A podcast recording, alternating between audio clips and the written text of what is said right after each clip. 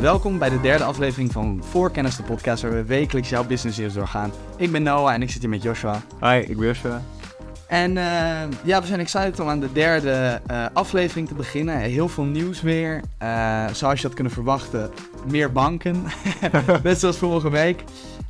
ik denk als intro woordje, ehm, ja, je wil het natuurlijk niet horen, maar deel de podcast. En weet je wel, op Spotify laat ons vijf sterren achter. We zijn nu ook op Apple Podcasts. Ja, precies. Dus als je daar liever naar luistert, kijk, ik luister altijd naar alles op Spotify. Ik denk muziek, podcast op dezelfde plek. Maar ja, Joshua doet het anders. ik houd het apart. Ja, Strikt gescheiden. Ja, Joshua gaat ook naar de, naar de slager en naar de bakker apart. Dan gaat naar de andere. Ja, vind het lekker om extra tijd te nemen voor alles.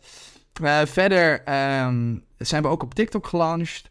Uh, en dus ook op Insta. Daar uploaden we nu reels en TikToks. Dus dat zijn vaak highlights uit de episode. Het is wel leuk om te kijken. En deel dat dus ook met al je vrienden. Ja, en sla ook de, de posts op Insta op, Volgens mij helpt dat. Dus uh, hou op. Dat kan je niet aan de luisteraars vragen. Maar doe het inderdaad wel, gewoon voor de engagement. Maar het is wel leuk om te zien. Ik bedoel sowieso, ik denk ook als je de aflevering hebt gezien, gewoon kort. Het zijn een beetje van die uh, snippets van één minuut, waar we het gewoon over iets leuks hebben of iets interessants. Vorige week hadden we Heineken en Aramco. Uh, en wie weet wat er deze week naar voren komt. Ja, precies. Um, dus laten we maar gewoon gelijk beginnen. Uh, tenzij je nog iets anders wil zeggen of niet, Joshua? Nee, ik denk dat we kunnen beginnen. Top. Nou, we hebben deze aflevering weer drie onderwerpen, zoals elke week. Um, ik ga beginnen met Credit Suisse. Uh, wat gebeurt er allemaal in de bankenwereld? Uh, het lijkt alsof er weer een, een, nieuwe bank is neergevallen. Dus ik ga daar wat dieper op in.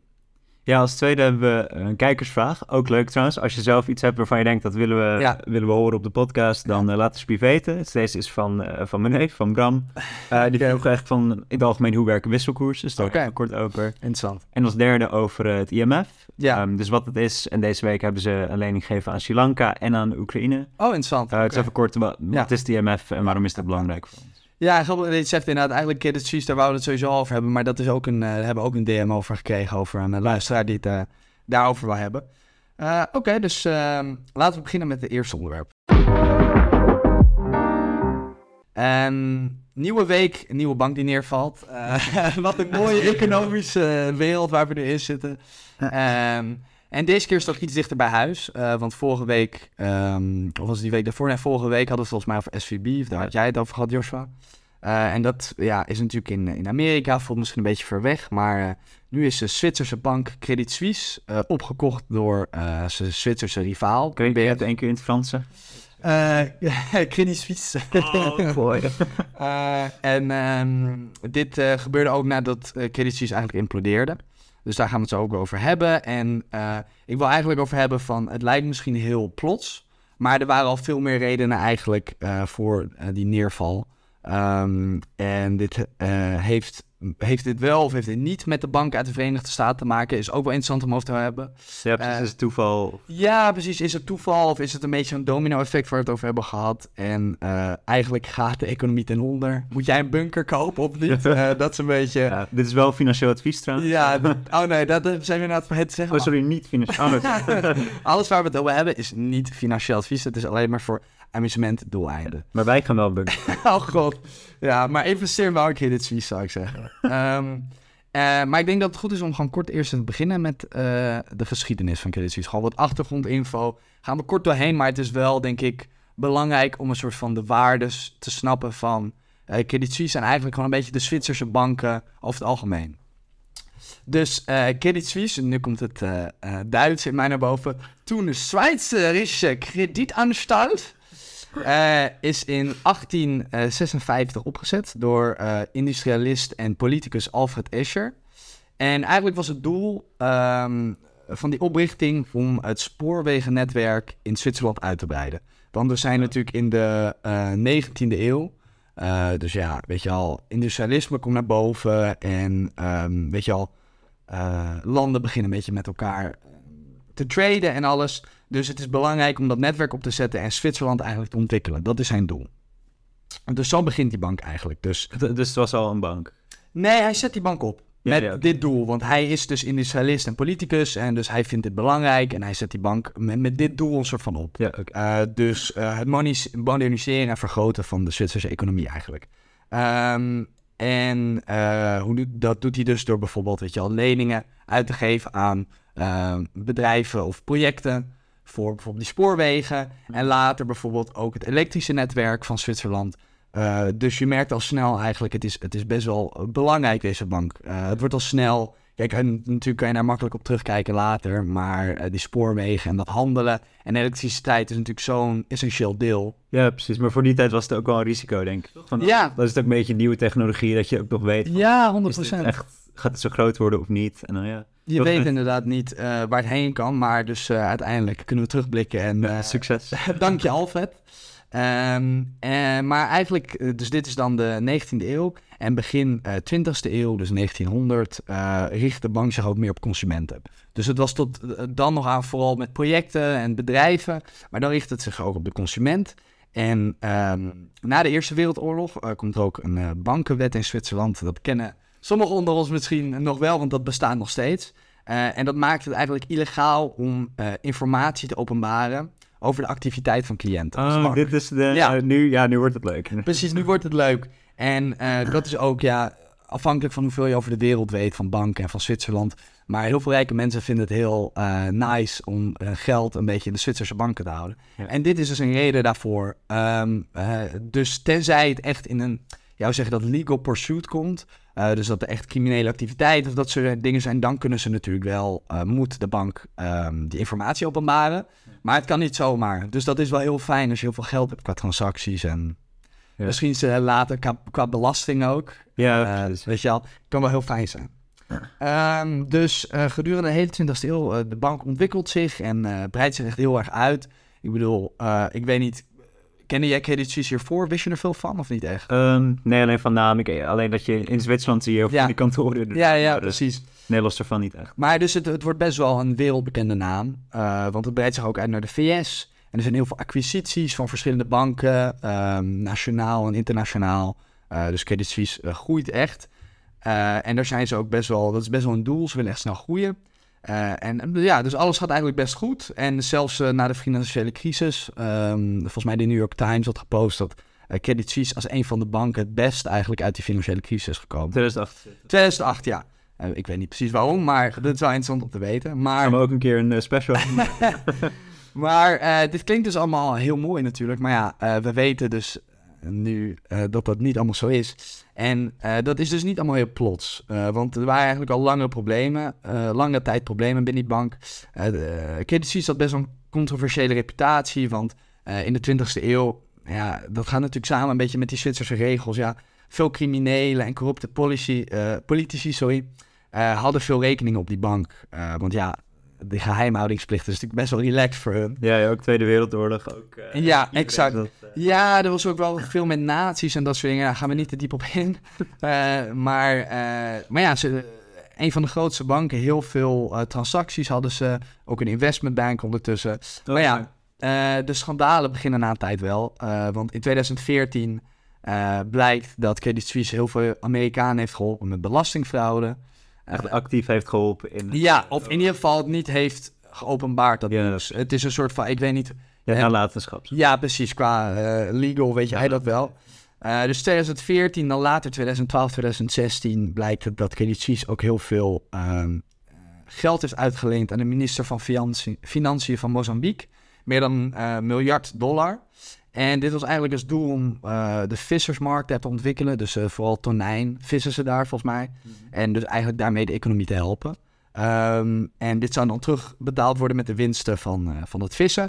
Maar ja, uiteindelijk blijkt dat de minister niet helemaal eerlijk was over alles. En best wel had gelogen over waar dat geld heen ging. Ja, corruptie, allemaal dat soort dingen. en ja, uh, Suisse is daar dan aan gelinkt.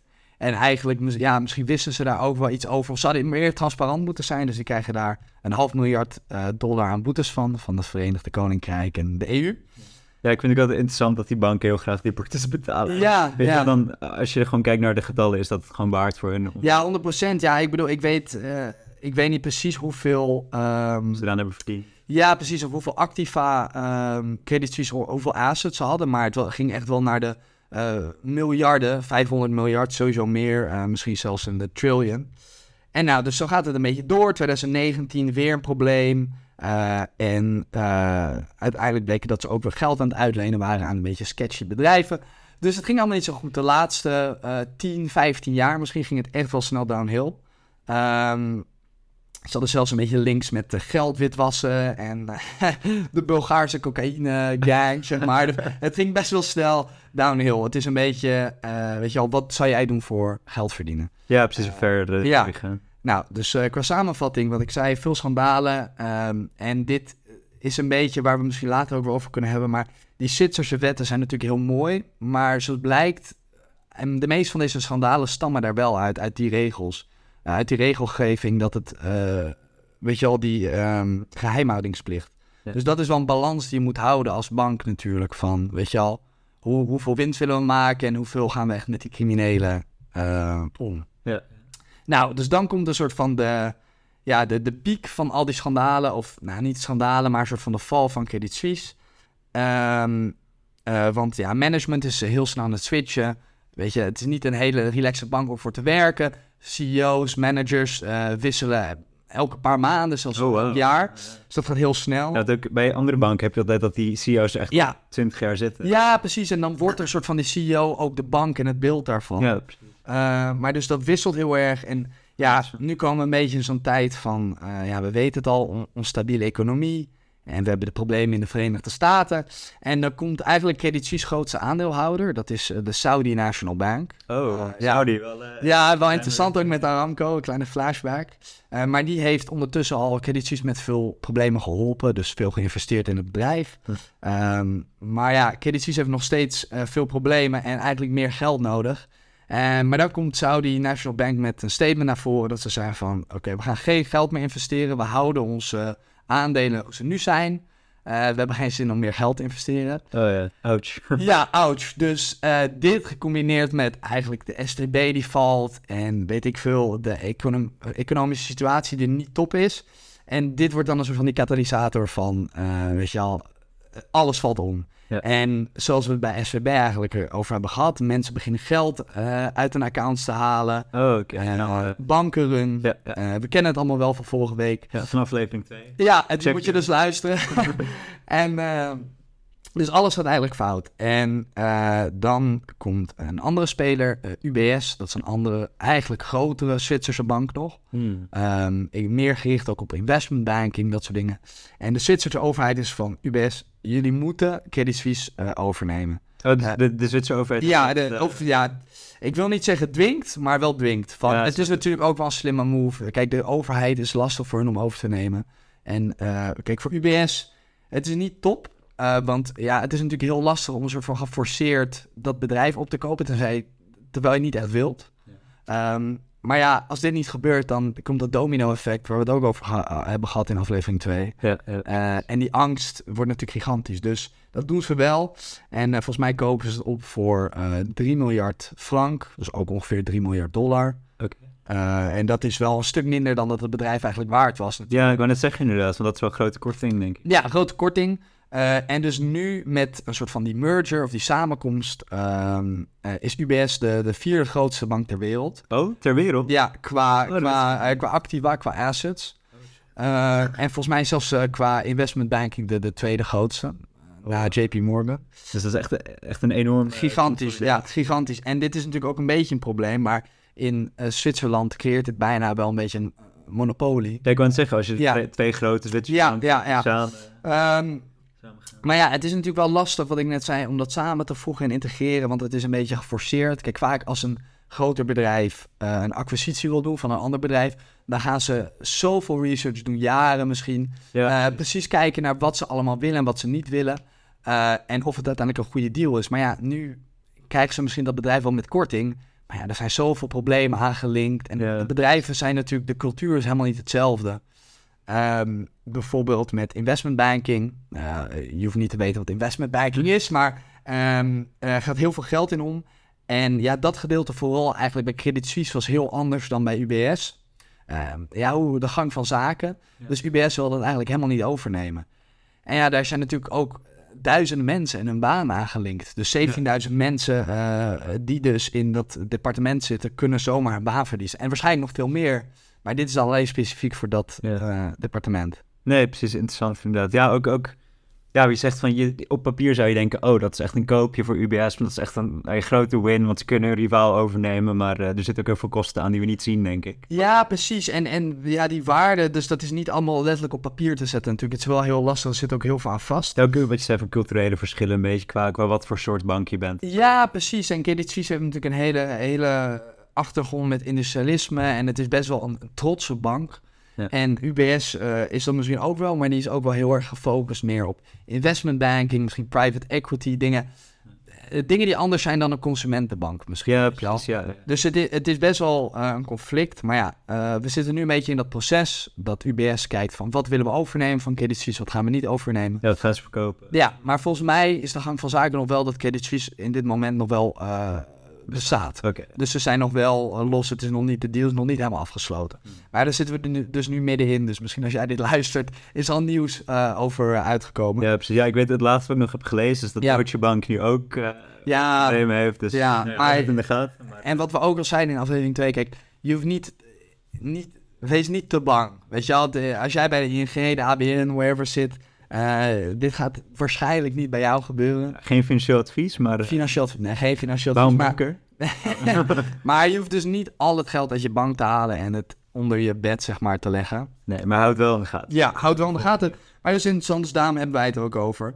Maar dus een beetje waar we op neerkomen, mijn vraag ook een beetje naar jou is, van nu we dit hele verhaal hebben gehoord van, zie jij, wat zijn een beetje de verschillen en wat zijn de gelijkenissen die jij een beetje ziet met de situatie in de Verenigde Staten of de SVB waar we het over hebben gehad? Van, uh, wat denk jij? Um, ja, ik denk, het eerste wat ik nog wat ik heel interessant vond, wat je ja. vertelde met de geschiedenis, is een beetje kijken van wat voor soort bank het is, toch? Ja. Want, um, ja, het is, je zou denken een bank is een bank, maar het zijn hele verschillende profielen met...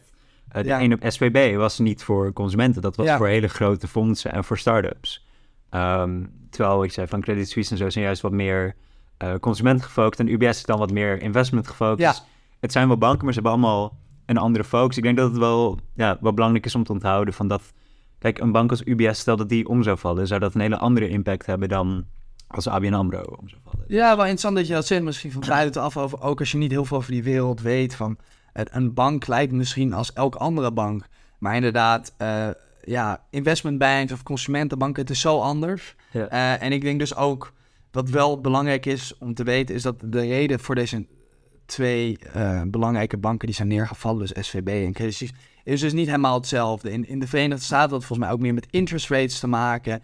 Ja, met, met uh, de prijs van uh, met obligaties. Ja, met obligaties. En hier had het dus ook te maken, ja, een beetje natuurlijk, ja, de economie als geheel gaat natuurlijk wat minder. Maar hier heeft het wel met andere dingen te maken. Dus het is niet dat dit allemaal een domino-effect is van elkaar. Ja. Het is wel geïnterlinkt een klein beetje. Het is niet random dat dit allemaal tegelijk gebeurt. Maar je hoeft niet bang te zijn dat het overal gaat gebeuren. Ja, Maar het is natuurlijk wel speciaal dat het allemaal zo dicht op elkaar gebeurt. Ja, precies. En het is ook goed om te onthouden, denk ik, dat um, gewoon de, de verhoging in rentes, gewoon ja. van de ECB, maar ook in Amerika van de, de Federal Reserve, is gewoon dat, dat is wel waar al die banken last van hebben. Dat Ja, 100%. Nee, dat is wel inderdaad gelinkt van... jij als consument hebt niet direct met die, in, uh, met die uh, rente te maken. Uh, maar het gaat natuurlijk via die bank. Dus die bank heeft bij de ECB ja precies heel veel accounts en al die dingen. En als laatste vraag, een beetje als afronder... wat korter van die wetgeving waar we het over hebben gehad in Zwitserland... ja, wat vind je daarvan? Van, het lijkt voor Credit Suisse alsof heel veel schandalen daaraan zijn gelinkt. Um, heb je hier een beetje uh, gedachten over of mening of niet echt van wat? Uh, ik denk, het, eerste wat ik denk is trouwens dat er uh, nog veel meer businesses zoals dit waar we nooit over gaan weten. Van, ja. kijk, de schandalen zijn alleen de dingen, een beetje survivorship bias, maar soms de schandalen die we zien, dan denk ik van, oh, dat is heel slecht. Maar ik denk dat er nog veel meer, ja. veel meer gebeurt ja, wat we niet zien. Wat we nooit gaan weten. Dat is de, ook, weet je al, de rijkste mensen ter wereld houden het ook achter dat ze, dat ze de rijkste man ter wereld zijn. Ja, ja ook waar we het vorige week over hadden met de Rothschild ja. family en zo. Ja, ja, ja. Allemaal, allemaal onder de grond, dat gaan we echt nooit weten. Maar, uh, ja, wel interessant in. Ja, ook gekke wereld of zo, toch? Een beetje van dingen die achter de schermen gebeuren. Ja. Met meer geld dan de meeste landen hebben. Heel apart, ja, ja.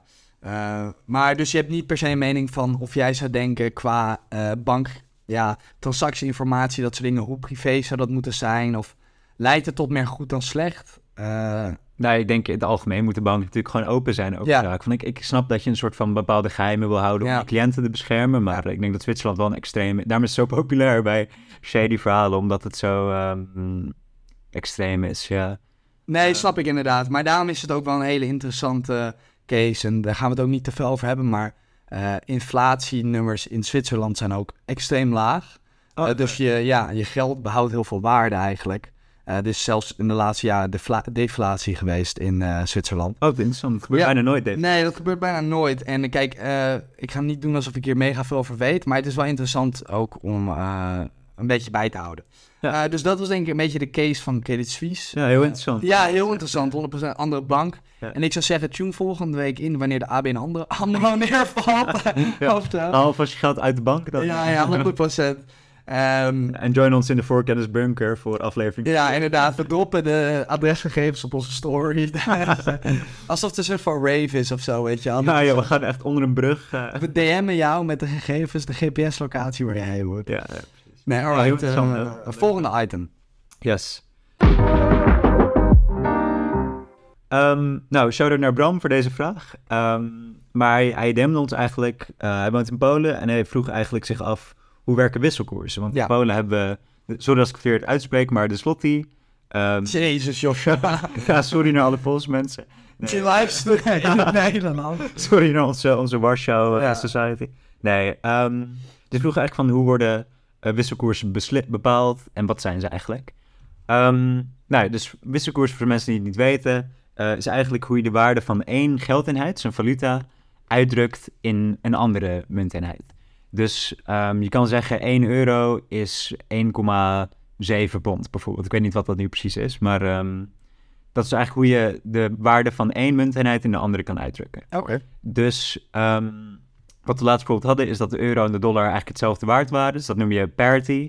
Nou ja, dus dan is een euro en een dollar hetzelfde waard. Dus kan je van 1 euro kan je 1 dollar kopen. Ja, precies. Ik, uh, kleine intermezzo, ik wil niet te lang over hebben, maar ik was natuurlijk voor een paar maanden in Amerika oh. op uitwisseling. En uh, ja, voor ons, omdat er zo van vaak de uh, euro meer waard was, toch in, de, in het verleden, was het dus van goedkoper voor ons in Amerika. Hmm, ja.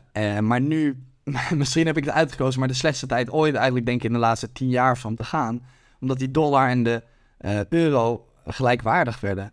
Uh, dus werd het voor mij eigenlijk heel duur in Amerika. Dus dat merk je ook oprecht wel, uh, dat alles veel duurder wordt daar. Ja. Uh, dus een persoonlijke anekdote tussendoor. Maar je merkt het dus ook echt wel terug. Dus dat is wel heel belangrijk. Nee, precies. Nou, het is niet, niet ver weg bij, bij nou, een bank of zo. Maar dat is echt persoonlijk dat je dat dagelijks merkt. Um, maar ja, wisselkoers zijn dus de redenen dat we nou ja, op Bali heel goedkoop kunnen leven van euro's. Maar dat in de VS duur is. Ja.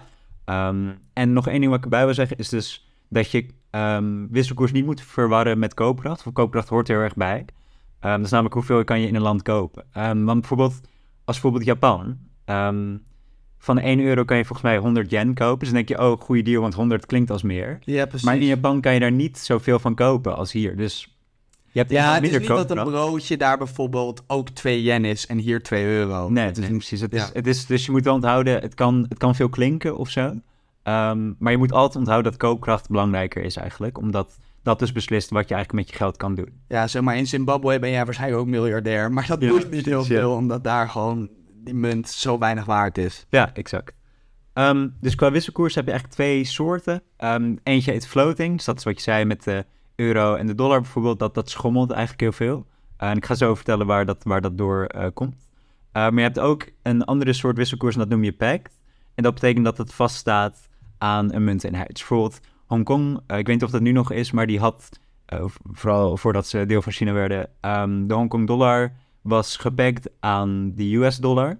Dus 1 dollar was altijd gelijk aan 7,75 tot 0,85 Hongkong dollar. Oké. Okay. Uh, en daartussen. Dus ik weet niet precies hoe de technische ja. kant ervan gaat, maar het staat in ieder geval vaster dan dat het gewoon vrij is gemold. Heeft dit ook te maken met uh, bijvoorbeeld, de, ik zeg niet weet hoe je dat zegt in het Nederlands, de goud? Uh, ja, gouden standaard. Ja, gouden standaard. Ja. Uh, dat dat een soort van daar aangepakt is? Of weet ja, dat weet ik niet zeker. Nee, okay. daar, daar, wordt ook laatst niet gedaan. De gouden standaard hadden we in Nederland inderdaad Nee, dat is, dat is inderdaad uh, af, afgelast. Nee, precies. Maar dat, nee, okay. ben je dan in ieder geval niet meer. Ja.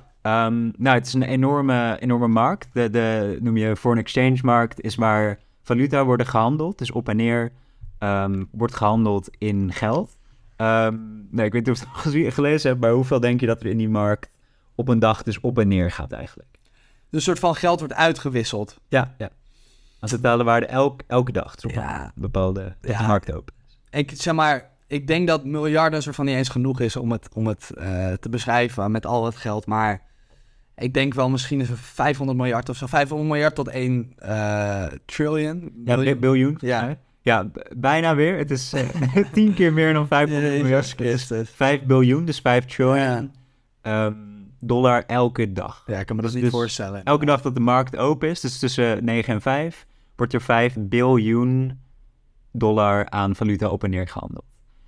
Um, nou, dus ik ga eerst even uitleggen waarom dat is en hoe de waarde beslist wordt. Dus hoe, hoe ik het altijd voor mezelf zie, is valuta moet je eigenlijk zien als een soort product. Uh, want geld kan je kopen. Ik kan, ik kan van 10 euro kan ik nou ja, 11, 12 dollar kopen. Oké. Okay. Um, dus je moet het zien als een soort intermediair. Dus als jij een Tesla uit Amerika wil kopen, mm. die worden niet in Europa gemaakt. Of eh, voor zover ik weet niet. Um, maar in Amerika. Dus als jij een Tesla wil kopen uit Amerika, dan moet jij eerst met jouw euro's dollars kopen. En van die dollars wordt vervolgens die Tesla betaald. Ja, oké. Bijna alsof je inderdaad een soort van product koopt. En met dat product iets anders. Ja, precies. Een beetje met, uh, nee, ik weet niet, met, met FIFA coins of zo. dat je, je kan daar niet euro aan uitgeven, maar je moet in de game moet je dat kopen. Ja, oké. Je kan niet die pack direct krijgen, zeg maar. Ja, precies. Je kan, het, je kan er niet in één keer uh, als tikkie Maar hoe krijg ik Mbappé dan? Ja, dat, uh, die krijg je in de bonus Oké, okay, ja. nee, precies. Maar um, dus je moet, dat is een beetje hoe ik het zie. En dat is dus ook hoe het werkt met vraag en aanbod. Ja. Um, dus een land dat heel veel produceert, bijvoorbeeld Amerika, um, heeft een goede koers, omdat er veel vraag is naar dollars. Want een dollar is heel stabiel, een dollar wordt goed beschermd door de Amerikaanse overheid. Um, ja, iedereen wil die dollar toch? Dat is dus We kopen ook heel veel uit Amerika. Ja. om dingen uit Amerika te kopen, moet je dollars kopen. Dus de vraag naar dollars is hoog. En zoals je weet, hoe hoger de vraag naar iets is, hoe hoger de prijs wordt. Dus net zoals bij een normaal product heb je dat ook bij, uh, bij valuta. Oké, okay, dus dat is hoe die waarde van de dollar omhoog gaat. Ja, ja. dus precies. En uh, hoe het andersom werkt, kijk, zo van de waarde die omhoog gaat, dat gebeurt over tijd. Dus dat heb je bijvoorbeeld met ontwikkelingslanden. Um, of ik weet, is ontwikkelingslanden nog een. Ik weet niet of dat gecanceld is. Altijd, nee, ja, ik denk dat jij sowieso gecanceld bent. ja, nee, maar ik snap wel wat je zegt, ja, het ontwikkelingslanden. Nee, dat... Ontwikkelende landen. Ja.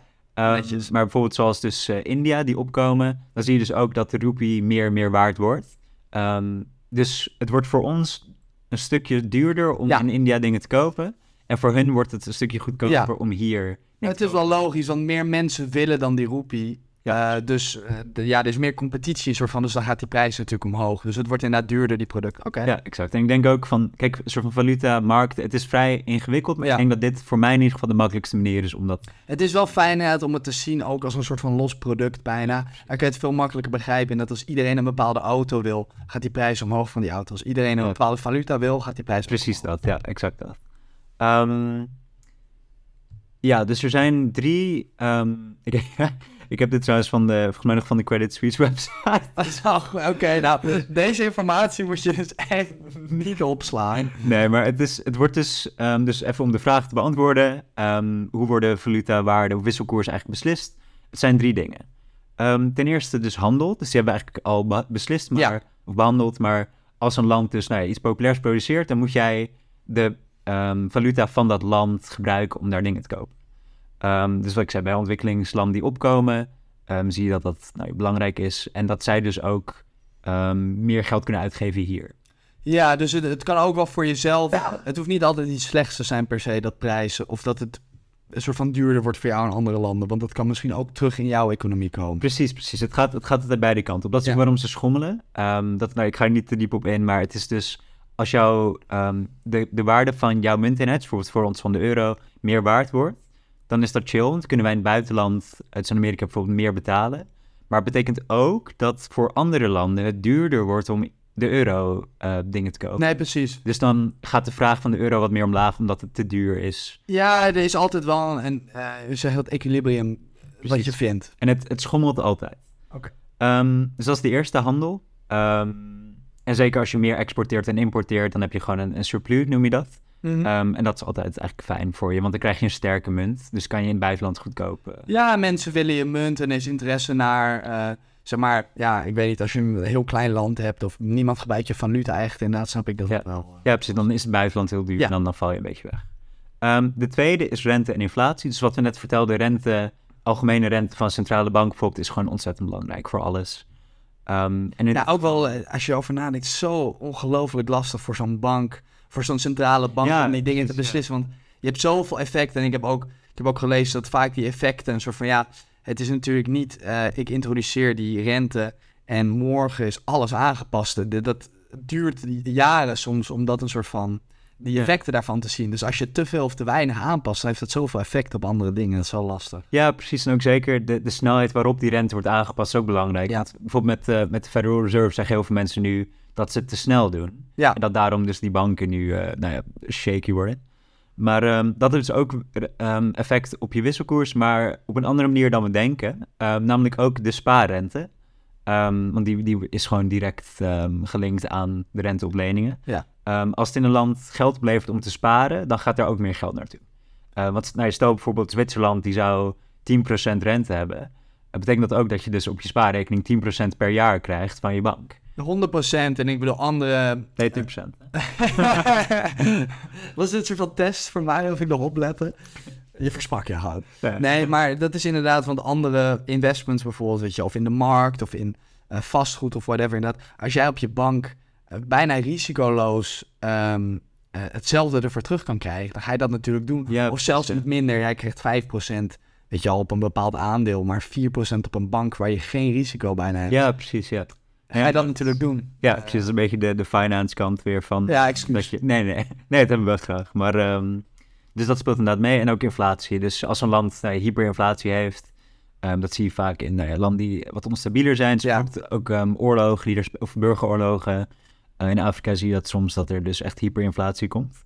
Um, en daarom wordt het natuurlijk heel onpopulair om daar te investeren. Want je hebt zoveel onzekerheid. Ja, precies. Als bedrijf of als overheid of whatever. Het is gewoon niet interessant niet te doen. Nee, precies. Dus dan nou ja, is er, gaat de vraag naar die munteenheid enorm omlaag. Mm. En vervolgens heb je dus eigenlijk een land dat... Uh, ja, gaat een soort van... Zo, in een vicieuze cirkel gaat het een soort van door. Want iemand investeert in je land en die valuta verliest alleen maar meer waarde en er gaan nog minder mensen investeren. Precies, en het is ook best wel erg voor zo'n land, want die kunnen dus um, ook dingen amper meer importeren, want het buitenland is veel te duur voor ze. En er wordt uh, nou ja, op dat moment weinig geïnvesteerd door die onzekerheid. Lastige situatie, ja. Ja, precies. En de laatste, die noemde je al, maar marktverwachtingen. Dus uh, nee, markten kijken altijd heel ver vooruit.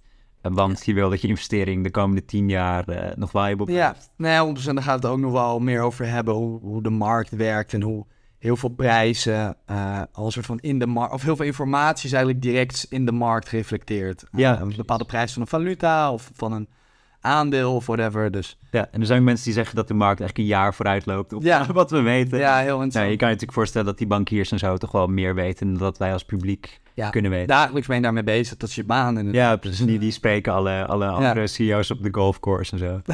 dus uh, vandaar. Maar uh, om het een beetje af te ronden, um, ik, heb, ik heb één voorbeeld wat ik nog wil noemen. Uh, maar Turkije is, is een goed voorbeeld van hoe wisselkoersen, nou, hoe het een beetje fout kan gaan eigenlijk.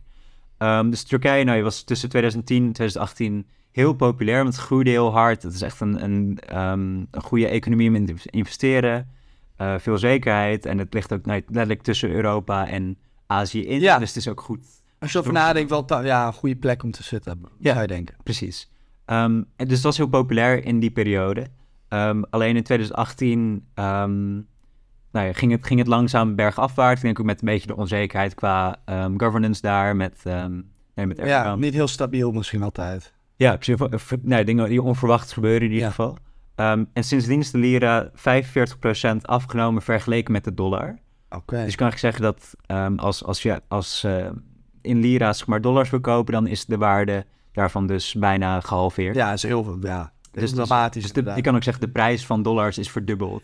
Ja, dus alles voor hun is natuurlijk veel duurder geworden bijvoorbeeld. Ja, dus je kan, je kan in theorie zeggen dat voor iemand als in Turkije je loon hetzelfde blijft, dat ja. de waarde van een Tesla dus verdubbelt. Oké. De prijs. Maar dus het zou ook wel goedkoper zijn om op vakantie te gaan bijvoorbeeld, of niet? Ja, dat, is, ja, dat heet uh, ramptoerisme, dat wil ik ook nog doen. Oké. Dat is dus als mensen inderdaad kijken naar die wisselkoers en denken, oh, het is nu wel goedkoop om naar Turkije te gaan. Het is wel een oorlog, maar ja, precies. het wel goedkoop. Nee, dus dat is uh, interessant. Dus om het een beetje af te ronden, ik denk, um, van de conclusie van het hele verhaal waar het om gaat, is eigenlijk dat timing het meest belangrijke is met wisselkoers. Dus ook als je dus wil kijken van wanneer moet ik mijn euro's overzetten naar, uh, naar Slotty bijvoorbeeld, is timing belangrijk. Dus stel um, Nederland en Polen hebben nou ja, een nieuw, nieuwe um, handelsdeal of zo, of er is een nieuw Nederlands bedrijf dat heel veel met Polen handelt, dan is dat waarschijnlijk ook wel chill voor die wisselkoers. Ja, oké.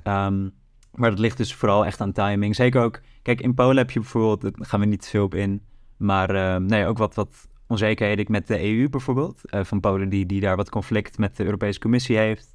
Um, dat is bijvoorbeeld ook niet goed met handel, omdat er dan dus bijvoorbeeld sancties kunnen komen aan Polen. Snap ik. Um, dus dan kan je ook weten dat investeringen in Polen minder populair worden door die onzekerheid. Ja. Dus de waarde van de slot die zal daardoor weer... Ja, precies. Je kan een soort van logisch redeneren hoe dat werkt. Maar ja, dat zit dan waarschijnlijk ook alweer in die prijs. Precies, dus je moet wel zorgen dat je goed vooruit kijkt. Het is inderdaad ook iets um, voor jezelf en eigenlijk ook voor mezelf, om te onthouden van jij bent niet slimmer dan de markt. Dus als jij niet ziet of je denkt van, oh, dit gaat omlaag, dit en dit, de kans is al heel groot dat duizenden mensen tien keer meer hierover weten, dat al hebben gezien en dat het al in die prijs is gereflecteerd. Dus daar moet je wel logisch over nadenken. Precies, en ook die informatie-asymmetrie van, ja. van zij hebben zoveel inside info die wij nooit gaan weten.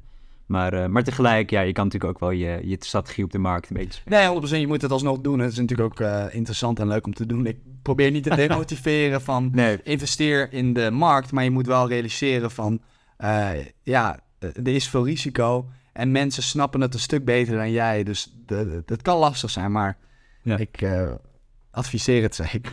maar niet wat. ja, dus als een beetje, als, als afronden hiervoor. Dus hou nou timing in de gaten en volg het nieuws een beetje... Uh, en volg de schommeling. Um, en vanzelf met de wave kan je een beetje meedenken. Ja, oké. Dus ride the wave. ja, oké. Het inderdaad, je hoeft het ook niet altijd letterlijk te doen, maar het inderdaad wel een soort van te snappen is ook wel goed wat er inderdaad in omgaat. Ik denk dat, dat zelfs voor mij, uh, foreign exchange en valuta's, het is heel lastig en de wisselkoers en alles, het is wel lastig. Ja, ik vind het ook maar er gaat zoveel, ja, er gaat zoveel. Maar de, de, de basis kan dus redelijk simpel zijn. Ja, Als je het gewoon inderdaad voor jezelf zo versimpelt zoals jij doet. Ja, precies. Dus houd gewoon voor jezelf simpel um, en volg gewoon het nieuws. En dan... Uh, Alright. Luister de podcast. Ja, voor kennis. Oké, okay, uh, eh, wil je nog iets anders of gaan we door naar het uh, derde item? Ja, ik denk dat we door kunnen naar de, de derde. Dus, um, om dit te beginnen, dus gaan we het over het IMF hebben. En ik heb een beetje een voorbeeld om het duidelijk te maken. Um, dus stel, nee, nou, stel je voor je was geen miljonair. Um, ze was gewoon een student. Dit vind ik heel lastig om me voor te stellen eigenlijk. Ja, ah, Stel je had geen accountant. Maar, uh, dus stel je bent nou, een student en nou, je gaat op kamers en uh, je hebt een studie te betalen. nou, je kan, je kan zoveel werken, maar dat is natuurlijk, uh, nou, je wil ook een beetje richten op je studie en andere dingen. Dus waar ga je dan heen om je huur van te betalen? Uh, en ik kan niet naar mijn ouders gaan. Nee, stel je, stel je hebt geen... Nee, nou, dan ga je bij de overheid, naar Duo, denk ik, oh, met Duo gaan. Ja, precies. Dus een, een bank die leent je geen geld uit, want je hebt niet een vast inkomen en het is te onzeker. Dus een Creditcards wil je niet gaan maken, ze daar hebben het voor gehad. ja, aflevering 1 als je... Ja. precies, maar um, dus ga je inderdaad naar de overheid, naar Duo. Um, dus stel je voor, je komt aan bij Duo en die zeggen, prima, we willen je wel uh, vrij veel geld lenen, maar we hebben een paar eisen. Uh, je mag maar één keer per jaar naar de huisarts... Um, je mag maximaal drie biertjes per week drinken. En je moet, wanneer je gaat werken, mag je dat doen tot je 80 bent. Moet je doorwerken. Um, stel ze zeggen, je mag het geld hebben. Uh, we geven je een goede uh, rente. Maar je moet wel um, nou ja, aan onze eisen voldoen. Wat zou je daarvan vinden? Ik denk dat je mij in een uh, doos onder een soort van viaduct vindt. dat ik uh, gewoon lekker mag doen wat ik wil, maar dat ik geen huur hoef te betalen. Want nee, dit klinkt inderdaad een soort van als een ja zo jezelf verkoopt voor dan dat geld. Ja, precies, precies. Dus het is inderdaad, je mag kiezen om de lening wel of niet te nemen, maar... Ja, is het echt een keuze, zeg maar? Een soort van, ja, het wordt wel heel erg beïnvloed. Precies. Ik denk dat dit bij de, de goede inleiding is aan wat het IMF is. Um, nou, no, wat, wat, weet jij over het IMF? Weet je wat het is? Um, misschien verbast ik, maar is die eh, International Monetary Fund? Ja, precies. Uh, nou, wat ik, wat ik ervan weet, volgens mij is het een soort van samenwerking tussen heel veel landen.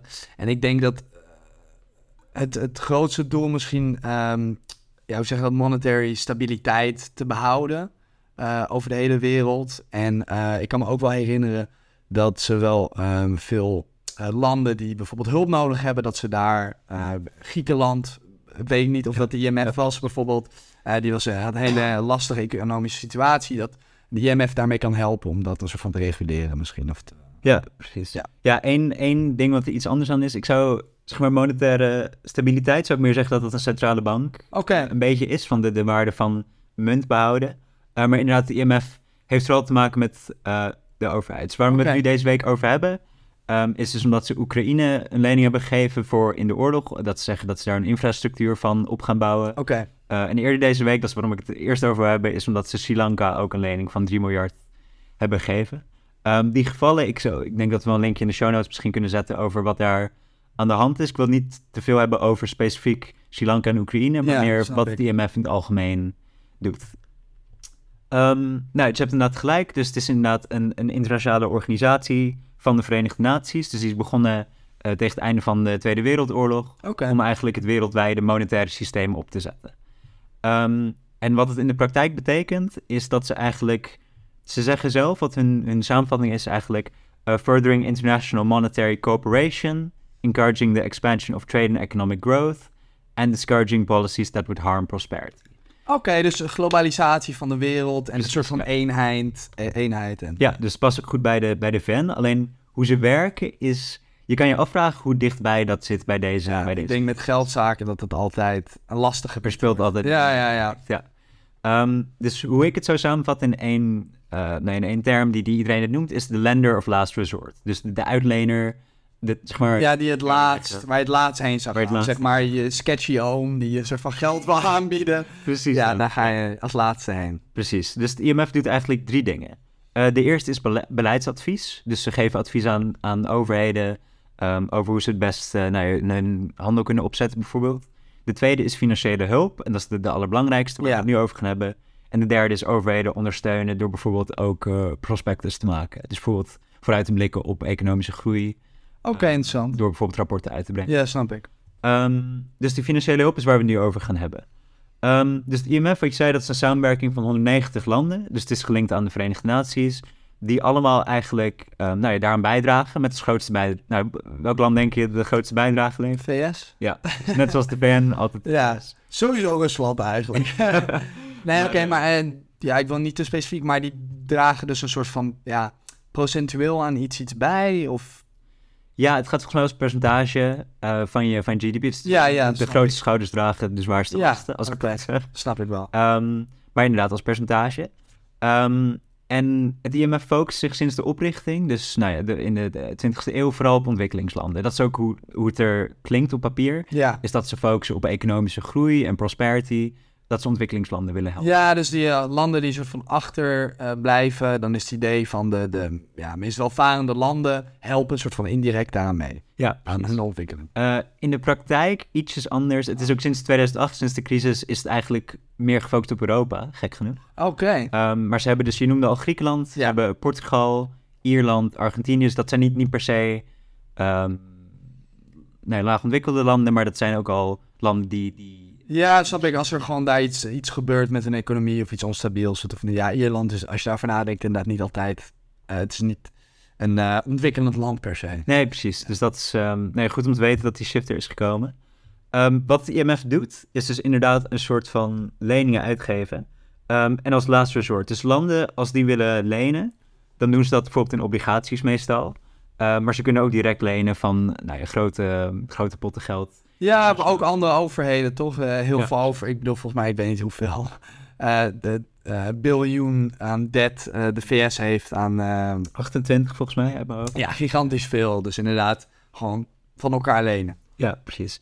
En landen, net zoals bedrijven, krijgen, of net zoals personen eigenlijk, krijgen een credit rating. Oké. Okay. Um, dus dat is, nou, als je de Big Short hebt gezien, dan herken je dit wel. Maar je kan dus zeggen triple A, dus drie keer A, ja. is de toprating van je, je betaalt je leningen altijd terug. Ja. Um, en je bent je... heel betrouwbaar, uh, je betaalt het altijd op tijd terug en we hebben geen problemen met je. No beef, ja. En de, de laagste is eigenlijk een, een C, volgens mij. Ik weet niet of het nog lager kan, waarschijnlijk wel. Ja, nou, volgens mij heb je gewoon sommige die niet eens een rating krijgen. Precies, dus dan, dan in principe wil niemand dan meer geld aan je uitlenen. Ja. Ehm, dat is de landen waar het IMF een beetje bij dealt.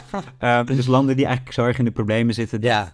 Er internationaal niet veel geleend wordt. Want de overheden, overheden lenen van elkaar. Ja. Een soort van nou, een grote banken bijvoorbeeld. Je weet dat als je geld leent aan dit land, dat het eigenlijk een voetje is. Ja, als het IMF langskomt, dan, dan heb je al grote problemen. Oké. Ehm, dus nou ja, Griekenland inderdaad een goed voorbeeld.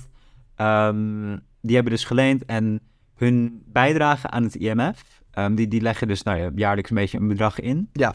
En de IMF, of sorry, Griekenland heeft toen van het IMF 3200 procent, dus 3200 procent van hun bijdrage hebben zij toen van het IMF gekregen. Oh, oké, relaxed. Precies, dus dan, nou ja, ik wil niet zo noemen, maar op een manier hebben ze de jackpot een beetje gewonnen. Maar...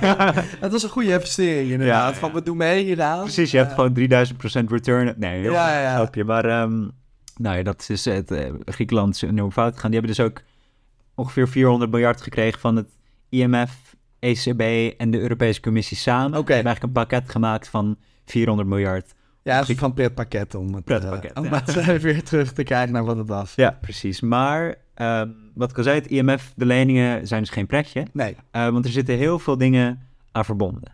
Um, dus ik ga het even kort hebben over de succesverhalen van het IMF en dan vooral over wat er eigenlijk uh, zo naar aan is.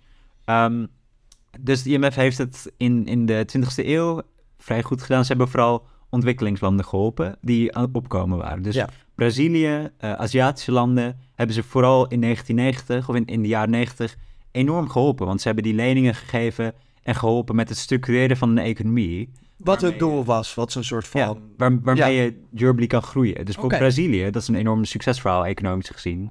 Um, sinds die tijd. En het IMF wordt daar, krijgt daar veel credit voor. Um, dus dat is een beetje de succesverhalen. En het IMF wordt ook daar gezien als echt een grote speler die daar ja. aan bijt. Dus dat is echt die 20ste eeuw. Dat was wel een goede... Precies, toen was het vrij populair uh, in dat het goed ging. En um, wat de controverse er nu aan eigenlijk is, is de eisen die het MF stelt. Want ze komen dus binnen bij een land zoals Griekenland, binnenstormen. En dan zeggen ze eigenlijk um, tegen de overheid van laat maar los. Je hebt, nou, je hebt het compleet verpest. Ja. Um, je mag onze lening nemen. En als je dan ja zegt, dan uh, nou, moet je de kamer uit. En dan gaan de big boys beslissen wat oh, Oké, dus ja, ze nemen bijna het hele land over. Ja, van. dus ik heb één, een voorbeeld om dit uit te leggen. Um, Griekenland. hadden ze nou, die lening gegeven in 2015 had Griekenland een referendum georganiseerd om ehm, te vragen: willen we wel of niet de eisen van het IMF voldoen? Die eisen waren: de rentes moeten omhoog. Dus ze hebben eigenlijk tegen de centrale bank gezegd: je gaat uh, okay, wow. via de ECB eigenlijk. Um, jullie moeten veel minder uitgeven als overheid. Jullie moeten overheidsinstanties privatiseren. Dus dat is dat je van nou, bijvoorbeeld overheidsbedrijven als de spoorwegen een privaat bedrijf ja. maken. en ja, je mag ze eigenlijk amper geld uitgeven. Ja, precies. dus dat is inderdaad... Ook wat wat IMF vaak zegt, is dat je minder mag uitgeven aan gezondheid. Dus ze hebben oh, landen gedwongen... Ook in Afrika hebben ze landen gedwongen om uh, minder aan publieke gezondheid te Wel erg controversieel natuurlijk, als je erover nadenkt. En er zijn dus heel veel... Um, trouwens, over dat referendum nog, 2015 hebben de Grieken dus nou ja, met goede reden nee gestemd. Ja, en de Griekse overheid heeft het alsnog gedaan. Ja, tuurlijk. Waarom zou je dat... Maar ik snap het ook wel, van wat, wat moet je anders? Uh, ja, het is wat jij zegt, laatst resort. Het is de laatste waar je bij neerkomt. En ja. wat is er anders? Precies, dat is ook een beetje de keuze van... Ja, ik, ik vind zelf dat het niet echt een keuze is eigenlijk. Van, het is... Ja. Ja, aan de ene kant, ja, ik wil niet extortion, het is natuurlijk niet zo, zo nee. uh, evil, maar het is natuurlijk wel uh, ja hele hoge eisen stellen, omdat je weet dat een land er eigenlijk geen nee tegen kan zeggen. Ja, 100 procent. ja. So, ja, de IMF kan er van bijna zeggen wat ze willen, inderdaad. En het land moet wel ja zeggen. Ja, en het is natuurlijk, kijk, het IMF is dus niet een, niet een for-profit of zo. Het is natuurlijk niet een bank die die. Ja, dus, er zijn wel mensen die zeggen dat het IMF heel erg profiteert van landen in nood. Maar uh, nou ja, ja zo, uiteindelijk is het doel wel dat ze willen helpen natuurlijk. Maar het kan soms misschien extreem overkomen. Ja, precies. En het is ook Kijk, dit is ook een beetje het, de talking point waar ik het over wil hebben. Um, maar ze verdienen dus rente op die leningen en nog fees daarbovenop, noemen ze. Um, en ze zeggen dus dat sinds het begin van COVID en januari 2022 heeft de New York Times gezegd dat het IMF bijna 4 miljard aan fees heeft binnen. Oké, okay, dus het klinkt heel commercieel eigenlijk allemaal. Bijna alsof je soort van. Uh, ik, ik weet het niet. Is, bank bent, ja. Ja, het, is, het, het klinkt eigenlijk wel. Ja, dus ze profiteren wel een beetje ervan. Um, en er zijn dus ook veel mensen die, die het IMF een beetje zien als een soort van westerse politieagent die dat soort landen binnenkomt en dan eigenlijk een beetje zijn voordeel neemt van ja. die situaties. Dus ehm, van ook van wij weten het beter en uh, jullie hebben het al verpest. Ja. Wij komen binnen, luisteren naar ons, wij lossen het op. Ja, en vervolgens dus ook eigenlijk die economie niet zo goed doen. Omdat ze dus zeggen, je mag, niet zo, je mag niks meer uitgeven aan publieke gezondheid. Je moet je overheidsinstanties privatiseren. Want de zaak met Griekenland, hoe, hoe is dat afgelopen een beetje? Uh, die loopt nog volgens mij. Dat, dat kan je ook voorstellen. Sinds 2008. We zijn dus ja. Nu, ja, 15 jaar verder. En nog steeds heeft Griekenland zoveel last van... Uh... Nee, 100%. Ja, ik, ik kan je afvragen of ze er ooit nog bovenop kunnen Ja, 100% van helpt dat dan wel echt. Precies. Dus er zijn heel veel academici vooral die zeggen...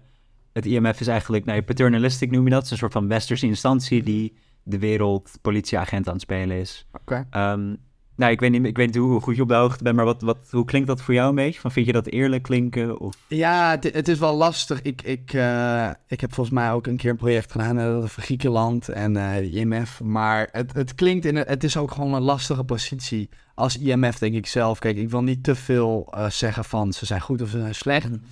Uh, van ja, die fees en dat soort dingen is natuurlijk wel misschien nodig voor hun om te functioneren. Je moet mensen betalen, je moet, je moet landen kunnen helpen. Maar ja, aan de andere kant ben je wel van, uh, als jij hier bent om Griekenland te helpen, zou dat eigenlijk helemaal moeten doen. En niet een soort van iets daarvoor terugvragen. dat is een goede. Te vertellen wat zij helemaal moeten doen. Dus ja. het is een hele lastige balans. Het zou dan ook juist in, in profijt moeten zijn voor dat land. En je kan je toch wel vaak afvragen of het IMF dat doet. Hè? In gevallen waar ze zeggen, je mag ik niet zoveel uitgeven aan, um, aan, aan publieke ja. gezondheid. En ook bij Griekenland bijvoorbeeld uh, zeiden ze, de pensioenleeftijd moet omhoog. Ja, tuurlijk. Dat, dat, nou, dat bevalt niemand in een land, denk ik, als je daarmee... Nee, 100%. Nou, kijk nu naar Frankrijk uh, bijvoorbeeld. Precies, precies. Met de protesten, dat is echt chaos. Ja. Um, maar dus zeker als een beetje een VN-instantie die in Amerika gevestigd is, die een land binnenstormt en zegt dit is hoe, hoe je het wel moet doen. Ja. Uh, je hebt het verpest, je kan er niks van. Laat het maar aan ons over, want wij zijn allemaal naar Harvard. Ja, ja precies. Het, het voelt iets te...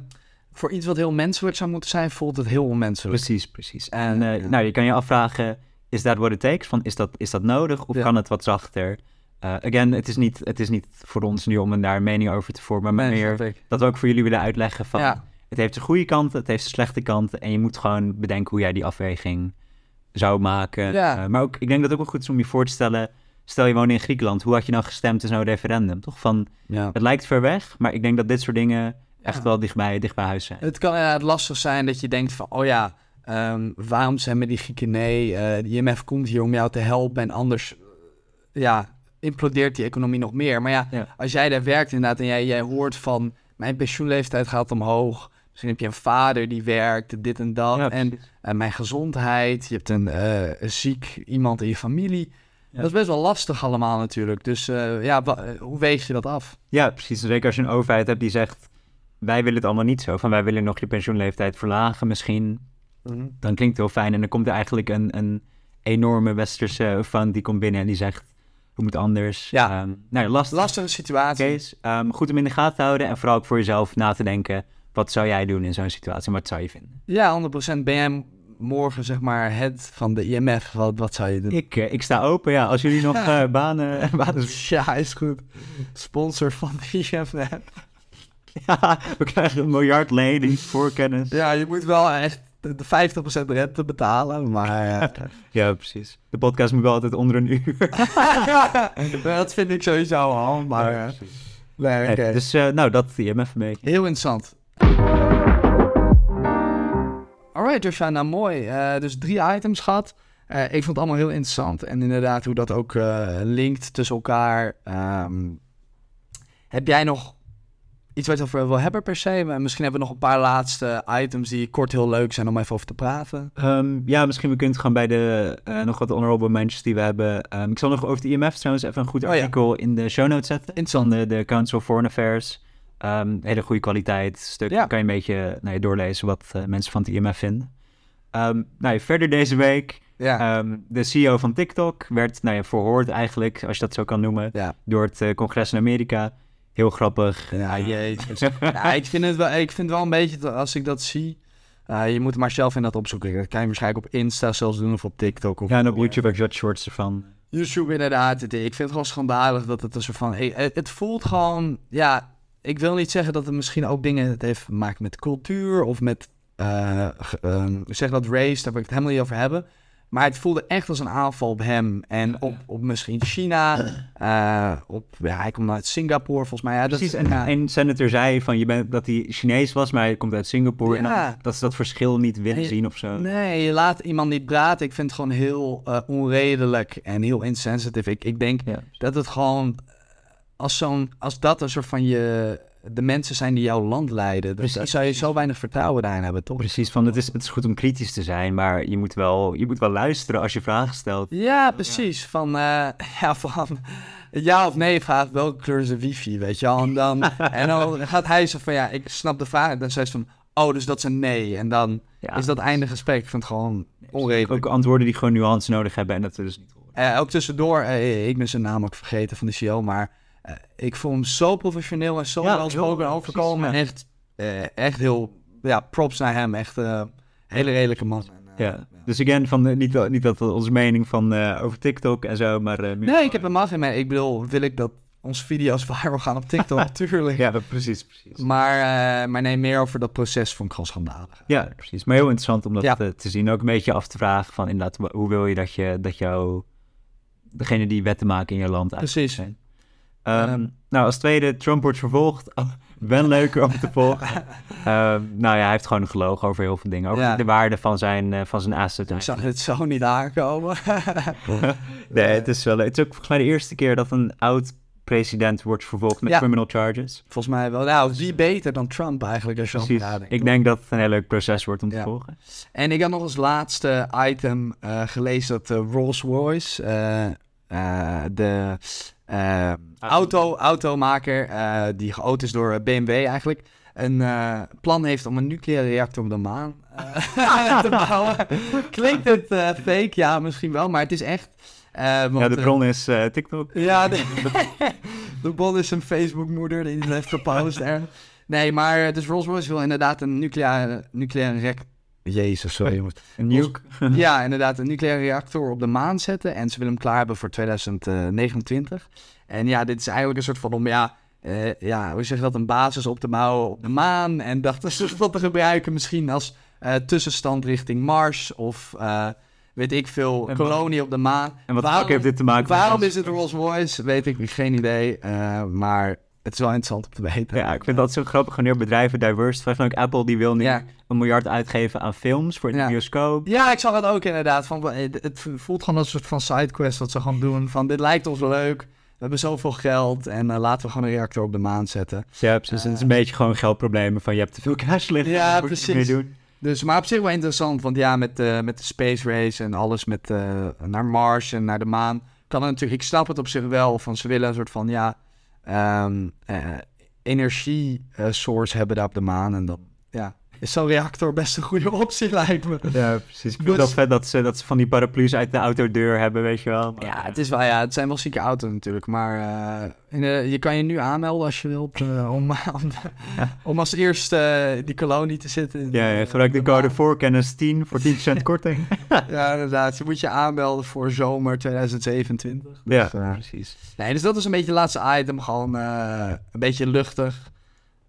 maar overal fijn dat je weer hebt geluisterd. Dit waren onze drie items. Ja. Uh, interessant toch, Joshua? Ja, heel erg. Ja, ik vind het vooral Credit Suisse en zo, van wat er met de bank gebeurt, is natuurlijk heel groot. Ja.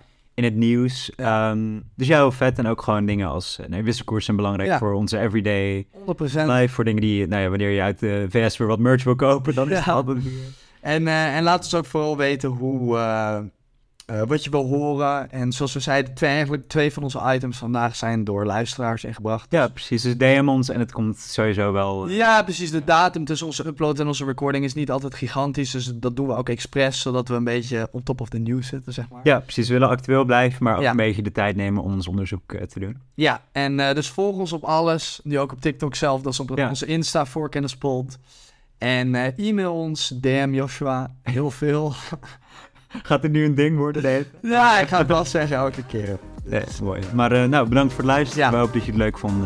En ehm, nou, tot volgende week. Tot volgende keer. Hoi.